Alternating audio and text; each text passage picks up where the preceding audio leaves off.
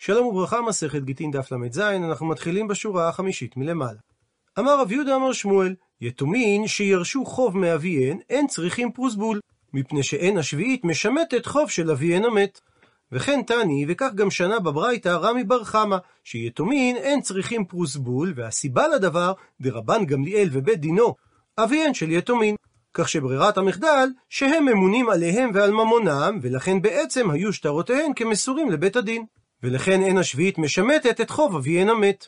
והברייתא אמרה רבן גמליאל ובית דינו, רק מפני שבזמן הברייתא היה קיים בית דינו של רבן גמליאל. אבל זה ודאי נוהג בבית דין שבכל דור ודור. ואומרת הגמרא תם, שנינו שם במשנה במסכת שביעית, אין כותבים פרוסבול אלא על הקרקע, דהיינו רק אם יש קרקע ללווה, מפני שלא תקנו חז"ל את התקנות שלהם, אלא רק בדבר שהוא שכיח. והמציאות השכיחה היא שהחוב בשאר השטרות גובים אותו מן הקרקע של הלווה. וזה למרות שהקרקע לא שווה את כל החוב, מפני שלקרקע אין מחיר. כמעשה דקתינא דאביי. שלאחר שגבו את הקרקע מהיתומים, הם פדו את הקרקע, ואז חזר בעל החוב וגבה מהם את הקרקע בשנית. ואומרת הגמרא, אם אין לו קרקע ללווה, אז מזכה או מלווה קרקע בתוך שדהו בשיעור של כלשהו. ועל ידי כך ניתן לכתוב עליה פרוסבול. עד לכאן לשון המשנה, ושואלת הגמרא, וכמה זה שיעור כלשהו? הוא מביא על כך הגמרא שתי תשובות. תשובה ראשונה, אמר רב חייא ברש"י, אמר רב, אפילו כלך של כרוב, שזה שיעור קרקע קטן מאוד. תשובה שנייה, אמר רב יהודה, אפילו אם השילו המלווה ללווה מקום בקרקע לתנור ולקיריים. דהיינו להניח בו תנור או קיריים המיטלטלים, כותבים עליו פרוסבול. למרות שהוא רק השאיל לו את הקרקע כדי להניח שם את הקיריים או את התנור, אבל הקרקע לא שייכת ללווה. מקשה על כך הגמרא, איני האומנם? והתני, והראשונה בברייתא האמורה שנקרא הלל, שאין כותבים פרוסבול אלא על עציץ נקוב בלבד. הוא מדייק את הגמרא מלשון הברייתא, עציץ נקוב אין, אכן ניתן לכתוב עליו פרוסבול, אבל עציץ שאינו נקוב לא ניתן לכתוב עליו פרוסבול. הוא מסביר רש"י שהציץ נקוב ומחובר לקרקע, אז כל שכן על הקרקע עצמה, ניתן יהיה לכתוב פרוסבול רק אם היא שייכת ללווה. אבל לפי דברי רב יהודה אמי, מדוע כך הדין, והאי כמקומו. הרי הואיל והעציץ שייך ללווה, אז ישנם שתי אפשרויות. או שמקומו של העציץ שייך ללווה, או שהשאילו את מקומו של העציץ. ולפי דברי רב יהודה, כאשר השאילו קרקע ללווה, ניתן לכתוב עליו פרוסבול. מתרצת הגמרא, לא צריכה, לא הייתה צריכה הברייתא לדבר, אלא במקרה דמנא חסיקי, שהעציץ מונח על גבי יתדות, כך שאין הקרקע איפה שנמצאים היתידות של הלווה, ולכן אמרה הברייתא שרק אם העצוץ נקוב הוא נחשב מחובר לקרקע ואפשר לכתוב עליו פוסבול, אבל עציץ שאינו נקוב כל זמן שהוא מונח על גבי יתדות, אין כאן קרקע. ולכן במצב שהעציץ נמצא על גבי יתדות, רק במידה והוא נקוב ומחובר לקרקע וניתן לכתוב עליו פרוסבול, אבל אם הוא לא נקוב, לא ניתן לכתוב עליו פרוסבול, מפני שהמקום שתחת היתדות הוא בשיעור קטן מדי מכדי להיחשב לקרקע שהשאילו ללווה שניתן לכתוב עליה פרוסבול. ומספרת הגמרא שרבשי מקנה לי גידמא דדיקלה, וכתב עלי פרוסבול. הוא הקנה ללווה גזע של דקל קצוץ, והגזע מחובר בארץ, וכך הוא יכל לכתוב פרוסבול. ודוקטור משה רענן לפורדל הדף היומי מצטט שאלה ממהדורת שוטנשטיין, מדוע שמח רבשי על גדם הדקל ולא על הקרקע שמתחתיו? והוא מוסיף ושואל, מדוע מציינת הגמרא שרבשי יקנה דווקא גדם של דקל? והוא מתורץ שלאור האנטומיה המיוחדת של הדקל, המונעת התחדשות לאחר כריתה, אין ספק שבסופו של דבר גדם הנותר בקרקע יעקר או ירקב.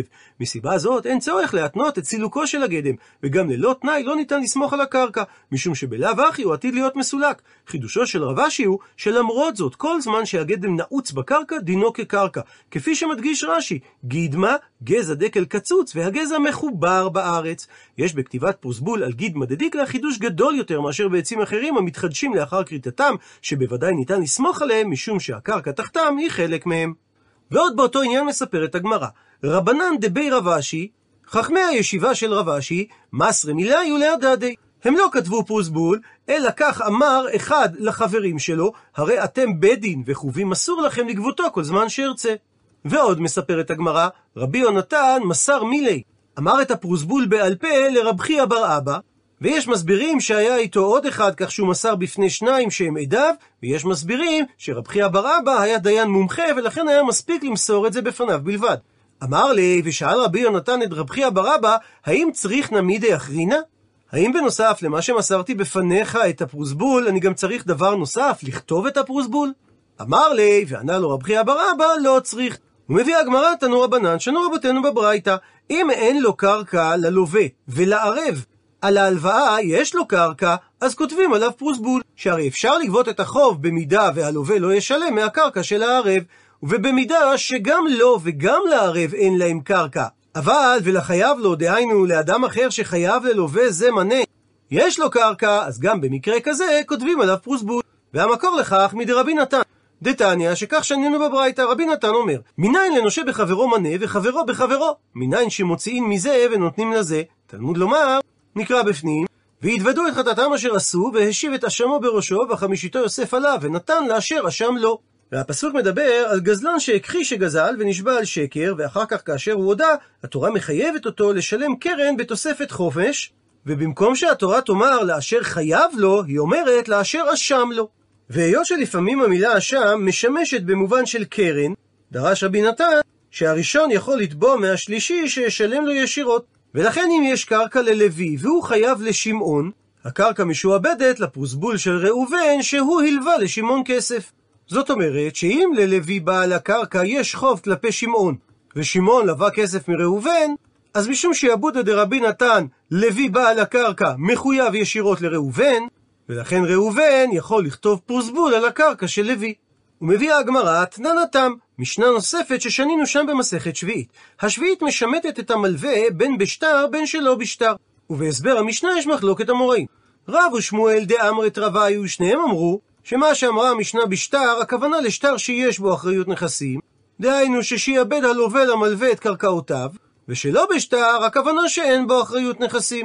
ואם בשני המקרים האלה השביעית משמטת, אז כל שכן שהשביעית משמטת במלווה על פה. רבי יוחנן ורבי שמעון בן לקיש לעומת זאת חלקו על רב ושמואל, דאמרת רביו ששניהם הסבירו את המשנה שבשטר הכוונה לשטר שאין בו אחריות נכסים, ושלא בשטר הכוונה למלווה על פה. שרק בשני המקרים הללו השביעית משמטת את המלווה.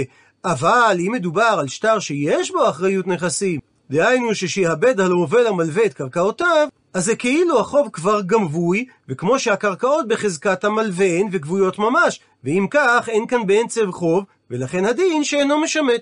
ומביאה הגמרא סייעתא תניא כבתי כשיטתם דרבי יוחנן ורבי שמעון בן לקיש, שאמרה הברייתא, שטר חוב משמט, ואם יש בו אחריות נכסים אינו משמט.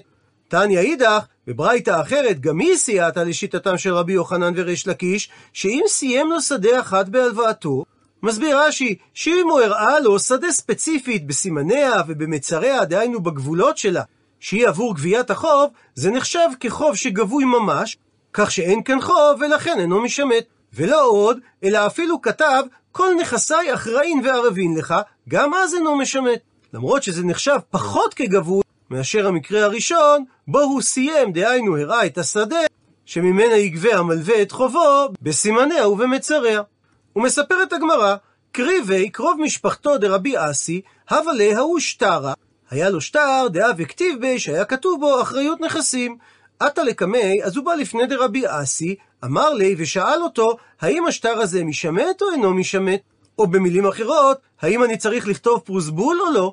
אמר לי, ענה לו רב אסי, אינו משמט. אבל בעניינים כספיים תמיד עדיף לעשות דאבל צ'ק, שבקי עזב קרובו של רבי אסי את רבי אסי, ועתה לקמי ובא לפני דרבי יוחנן, ושאל אותו את אותה שאלה, אמר לו רבי יוחנן משמט, ולכן כדאי שתכתוב פרוסבול.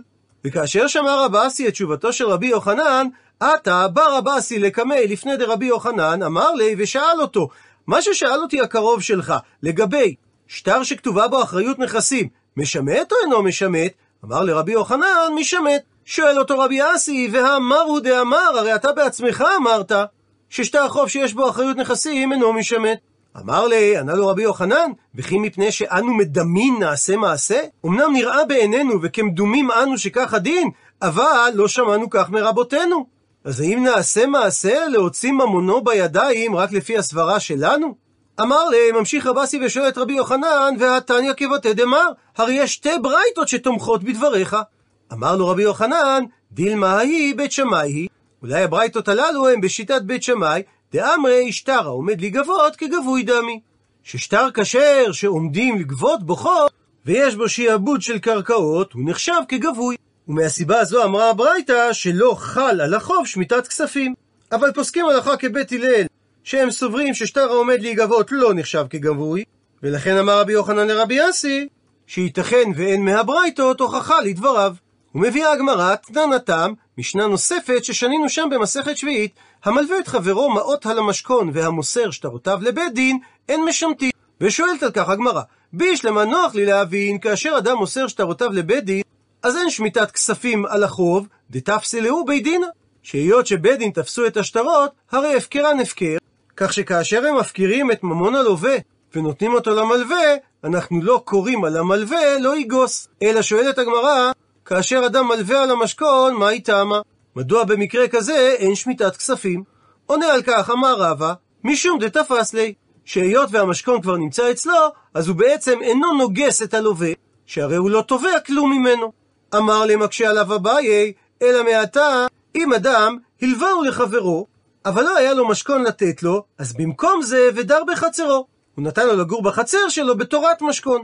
וזה נחשב דתפיס לי, שהמלווה תופס ומוחזק בחצר. הכי נמי, האם גם כאן נאמר דלא משמט החוב? הוא מסביר התוספות שהיה פשוט לאביי שבמקרה הזה החוב משמט, כפי שאומרת הגמרא בבבא מציע, היי משכנתא באתרא דמיסל כשביעית משמטת.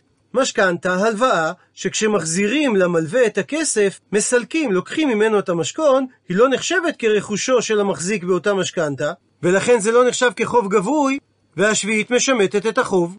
אמר לי, ענה לו רבא, שאני משכון דקני לי מדרבי יצחק. שונה דין מטלטלים שעשו אותם כמשכון ונתנו אותם למלווה, שאם אבד המשכון, חייב המלווה באחריותו, מה שאומר שזה נחשב כגבוי, וממילא כך גם הדין גם לעניין שביעית. וזה נלמד ממה דאמר רבי יצחק, מניין לבעל חוב שקונה משכון, שנאמר, השב תשיב לו את האבות כבוא השמש, ושכב בשלמתו וברחקה, ולך תהיה צדקה לפני אדוני אלוהיך. ודרש רבי יצחק, אם אינו קונה המלווה את המשכון, אז צדקה מניין, אלא מכאן לבעל חוב שקונה משכון.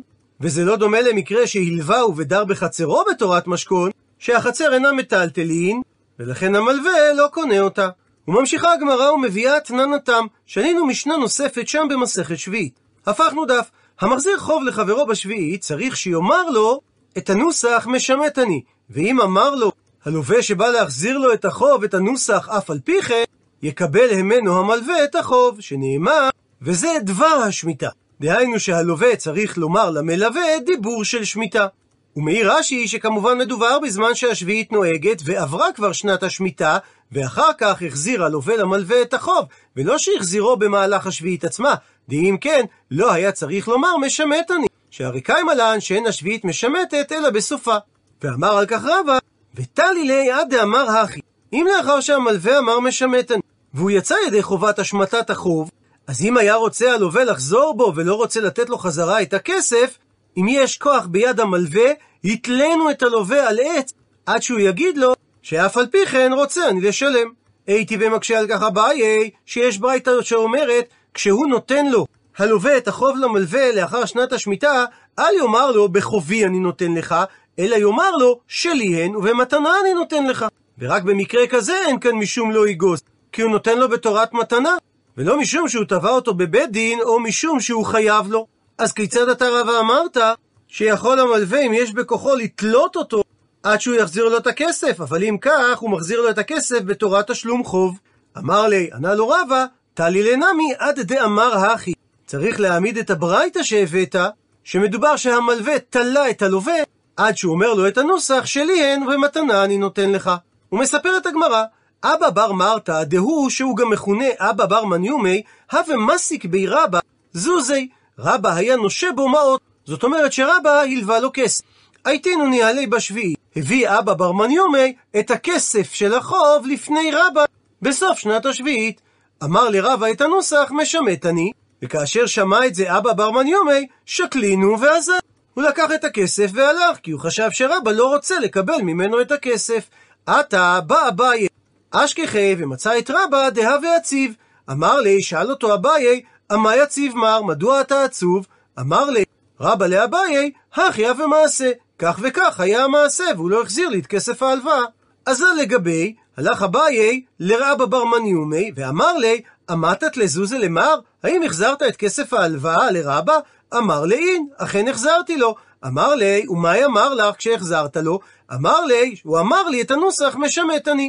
אמר לי אביי, ואמרת לי לרבא את הנוסח של אף על פי כן? אמר לי אבא בר מניומי, לא אמרתי לו. אז אמר לו אביי, תדע ואי אמרת לי את הנוסח של אף על פי כן, הווה שקלינו מנך. הוא היה לוקח ממך את המעות. ולא כפי שחשבת שהוא סירב לקבל ממך את המעות. אז השתא מיעט, עכשיו על כל פנים, המתינו לי עלי, תחזיר לו את הכסף, ואימה לי, ותאמר לו את הנוסח, אף על פי כן. ואכן, אזל, הלך אבא בר מניומי, המתינו לי עלי, והביא את המעות חזרה לרבה, ואמר לי את הנוסח, ואף על פי כן, ואז שקלינו מיני. לקח ממנו רבה את הכסף. ואמר רבא על אבא בר מניומי, לא הווה בידעתא בהאי צורבא מרבנן מעיקרא. לא היה בתלמיד חכם זה, דהיינו באבא בר מניומי, את הידיעה שכבר בהתחלה הוא צריך היה לומר אף על פי כן. ועוד בענייני פרוסבול, אמר רב יהודה אמר רב נחמן, נאמן אדם לומר פרוסבול היה בידי ואבד ממנו, וממילא לא נשמט החוב. ומקשה הגמרא, מה איתמה? מה הטעם שאדם יכול לטעון את זה ולהוציא ממון בחברו, והוא לא צריך להביא ראייה על כך? מבארת הגמרא, שכיוון דתקיבו רבנן פרוסבול, לא שבי כתרה ואכיל איסורה. כאשר לאדם יש דרך היתר לעשות משהו ודרך איסור לעשות משהו, מסתבר שהוא עשה את זה בצורת ההיתר, כי לא מסתבר שהוא עזב את דרך ההיתר ולא כתב פרוסבול, ועכשיו הוא משקר שאבד לו הפרוסבול, ועל ידי כך הוא בעצם גובה את חובו באיסור. ועוד באותו עניין מספרת הגמרא, כי עטו לקמי דרב, כאשר היו באים לפני רב מלווה ולווה. לאחר שנת שמיטה, אמר לי רב למלווה, מידי, אולי פרוסבול היה לך ואבד? ועל כגון זה אומרים, פתח פיך לאילם הוא. שגם אם בעל הדין לא יודע לטעון טענה מסוימת, ולכן לגבי טענה זו הוא נחשב כאילם, מלמדים אותו לטעון אותה. מקשה הגמרא על רב נחמן ועל רב, תנן שהראשנינו במשנה במסכת כתובות, וכן בעל חוב שמוציא שטר חוב לאחר שנת השמיטה ואין עמו פרוסבול, הרי אלו לא ייפרעו. זאת אומרת שבעל השטר לא נאמן לומר, היה לי פרוסבול ועבד, שבהכרח על מקרה כזה מדברת המשנה, כי אם לא כך, מדוע הייתה צריכה למשנה לומר ששביעית משמטת? מתרצת הגמרא, תנא היא. יש בדבר מחלוקת תנאים, דתניא, שכך שנינו בברייתא. המוציא שטר חוב צריך שיהיה עמו פרוסבול, וחכמים אומרים אינו צריך. ורב נחמן ורב סוברים כחכמים, שנאמן בעל השטר לומד, אבד לי הפרוסבול. ואומרת המשנה, עבד כנעני שהיה שייך ליהודי שנשבע, ופדאו ישראלים אחרים. אז זה תלוי, אומר תנא קמא. אם לשום עבד הם פדו אותו, ישתעבד מחדש, ואם לשום בן חורין הם פדו אותו, לא ישתעבד. לעומת זאת, רשב"ג אומר שבין כך ובין כך, בין אם לשום עבד פדו אותו, בין אם לשם בן חורין פדו אותו, הדין שישתעבד. ושואלת הגמרא, במה יסקינן? באיזה מציאות מדובר? אילם, האם תאמר שלפני ייאוש של הבעלים הראשונים פדו את העבד מן העובד כוכבים, אז גם אם הם פדו אותו לשום בן חורין, עמי לא ישתעבד חזרה לאדונו הראשון? אלא תאמר שמדובר שפדו אותו לאחר ייאוש של הבעלים הראשונים?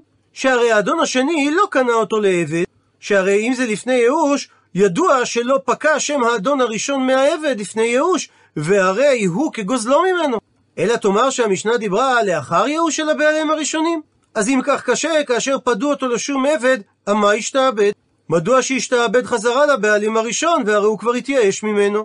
מביאה על כך הגמרא שתי תשובות. תשובה ראשונה אמר אביי, לעולם דיברה המשנה לפני ייאוש של הבעלים הראשונים, וכאשר פדו אותו ולשום עבד, אז הוא ישתעבד לרבו הראשון, שהרי הוא לא התייאש ממנו. אבל כאשר פדו אותו לשום בן חורי, אמר תנא קמא שהוא לא ישתעבד, והכוונה שהוא לא ישתעבד לא לרבו ראשון ולא לרבו שני. לרבו שני הוא לא משתעבד. דהה לשום בן חורין פרקה, שהרי הוא פדה אותו לשם בן חורין ולא כדי שיהיה עבד, ולרבו ראשון נמי הוא לא משתעבד, מפני שסובר תנא קמא, שאם הוא היה משתעבד במקרה כזה לרבו הראשון, דילמה מימני ולא פרקי. אולי זה יגרום לאנשים להימנע ולא לפדות את העבד. ורבן שמעון בן גמליאל חולק על תנא קמא, והוא אומר, בין כך ובין כך, בין אם פדה אותו השני לשם בן חורין, בין אם הוא פדה אותו לשם עבד, השתעבד העבד לאדון הראשון שלא התייאש ממנו, מפני שכסבר רבן שמעון בן גמליאל, שכשם שמצווה לפדות את בני חורין, כך אנשים יודעים שמצווה לפדות את העבדים. ולכן אין חשש שאנשים לא יפדו אותו למרות שהוא יחזור ויהיה עבד לאדון הראשון. הסבר שני, רבא אמר שלעולם המשנה מדברת לאחר ייאוש של הבעלים הראשון, ומה שאמרה המשנה, ולשום עבד ישתעבד, הכוונה שהוא ישתעבד לרבו השני, שהרי הוא פדה אותו לשום עבד. אבל כאשר רבו השני פדה אותו לשום בן חורין, אז במקרה כזה הכוונה לא ישתעבד, שהוא לא ישתעבד לא לרבו ראשון ולא לרבו שני. לרבו שני הוא לא ישתעבד, דהה לשום בן חורין פרקי, שהרי הוא פדה אותו לא לשם עבדות, אלא כדי שיהיה בן חורין. ולרבו ראשון, נמי הוא לא ישתעבד, דהה העמיד רבה את המשנה, לאחר ייאוש הווה. לאחר שהאדון הראשון כבר התייאש מהעבד. רבן שמעון בן גמליאל חולק ואומר, בין כך ובין כך, בין אם האדון השני פדה אותו לשום עבד, בין אם הוא פדה אותו לשם בן חורין, הדין שישתעבד לאדון השני כדחזקיה, דאמר חזקיה, מפני מה אמרו? רבן שמעון בן גמליאל והסוברים כמותו, שבין כך ובין כך ישתעבד, כדי שלא יהא כל אחד ואחד מהעבדים הולך ומפיל עצמו לגייסות, על ידי כך הוא מפקיע עצמו מיד רבו. ונסכם את הדברים בטבלה הבאה. תנא קמא אמר, שאם פדו אותו לשם עבד ישתעבד, ואם פדו אותו לשם בן חורין לא ישתעבד. ושאלה על כך הגמרא, האם תנא קמא דיבר לפני או לאחר ייאוש של רבו הראשון? שאם מדובר לאחר ייאוש של האדון הראשון מהעבד, אז כאשר פדו את העבד לשום עבדות, מדוע שהוא ישתעבד לאדון הראשון? הרי הוא התייאש ממנו. ואם מדובר לפני שהאדון התייאש ממנו, אז כאשר פדו אותו לשם בן חורין, מדוע אמרת נקמה שלא ישתעבד העבד? הרי האדון הראשון לא התייאש ממנו. ונחלקו בדבר אביי ורבא. אביי אמר שהמשנה מדברת לפני ייאוש של הבעלים הראשון. ולכן אמר תנא קמא שאם פדו אותו לשם עבד, אז הוא ישתעבד לרבו הראשון שלא יתייאש ממנו. אבל אם פדו אותו לשום בן חורין, הוא לא ישתעבד לא לרבו הראשון, מפני החשש שאולי אנשים יימנעו ולא יפדו משום כך עבדים, וגם לא לרבו השני, שהרי הוא פדה אותו לשם בן חורין.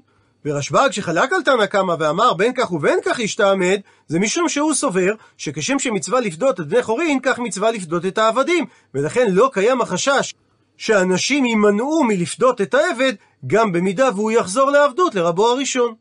רבא לעומת זאת העמיד את המשנה לאחר ייאוש של האדון הראשון, ולכן הוא מסביר את דברי תנא קמא, שאם האדון השני פדה את העבד לשום עבדות, אז הוא ישתעבד לרבו השני.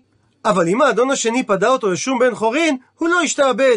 לא לרבו הראשון שהתייאש ממנו, וגם לא לרבו השני, שהרי הוא פדה אותו לשום בן חורין. ורשב"ג שחולק על תנא קמא ואומר בין כך ובין כך ישתעבד, דהיינו לאדון השני, זה מפני שרבא סבר כחזקיה, שאם נאמר שכאשר פדו עבד לשם בן חורין, הוא לא ישתעבד, אז אנחנו נותנים רעיון לעבדים, שיהיה כל אחד ואחד הולך ומפיל עצמו לגייסות ומפקיע עצמו מיד רבו. מי טבעי מקשה הגמרא על רבא ממקור תנאי שאומרת הברייתא, אמר להם רשב"ג, כשם שמצווה לפדות את בני חורין, כך מצווה לפדות את העבדים. עד לכאן לשון הברייתא ומדייקת הגמרא. בישלמה נוח לי להבין לאביי. דאמר שהמשנה מדברת לפני ייאוש של האדון הראשון, היינו דקאמר, אז מובנים דבריו של רשב"ג לחכמים, שהוא נוקט את ההשוואה כשם שמצווה לפדות את בני חורין, כך מצווה לפדות את העבדים. שאז משמעות דברי רשב"ג, שהוא לא חושש שאנשים יימנעו ולא יפדו את העבד היות והוא חוזר לאדון הראשון, משום שמצווה לפדותו. אלא לרבה קשה, דאמר רבה שהמשנה מדברת לאחר ייאוש, ולכן לא ישתעבד העבד לאדון הראשון, ולא מובנים דבריו של רשב"ג בברייתא, היי כשם משום דחזקיהו. הרי הטעם של תנא קמא, לפי הסברו של רבא, שהעבד משתעבד לאדון השני, משום שהפקיע הייאוש של האדון הראשון את הבעלות של האדון הראשון מהעבד. אז לא מובן מה שאמר רשב"ג, שכשם שמצווה לפדות את בני חורין, כך מצווה לפדות את העבדים. שהרי לפי רבא, טעמו של רשב"ג זה משום דחזקיה, שהעבד ישתעבד גם כאשר פדו אותו לשם בן חורין, כדי שהעבדים לא יפילו את עצמם לגסות ועל ידי כך ישתחררו. עונה על כך, אמר לך רבא, רשב"ג לא רב ידע מהי כאברי רבנן. הוא לא ידע מה הסיבה שאמרו חכמים שכאשר פודים את העבד לשם בן חורין הוא לא משתעבד. ואחי כאמר לו, ולכן כך הוא אמר להם, אי לפני ייאוש כאמריתו, אם אתם אומרים שכאשר הוא נפדה לשם בן חורין הוא לא משתעבד למרות שהאדון הראשון לא התייאש ממנו, היינו, אז על כך אני אענה לכם, כשם. דהיינו, שאין חשש שאנשים יימנעו ולא יפדו אותו, כי כשם שמצווה לפדות בני חורין, כך אנשים יודעים שמצווה לפדות את העבדים. והיא לאחר ייאוש כאמריתו, ואם אמרתם שכאשר פדו את העבד לשם בן חורין, הוא לא משתעבד שהרי האדון הראשון התייאש ממנו, אז על כך אומר רשב"ג כדחזקיה. שגם במקרה כזה תיקנו שהעבד יישאר משועבד לאדון השני, כדי שעבדים לא יפילו עצמם לגייסות, ועל ידי כך ישתחררו. עד לכאן דף ל"ז.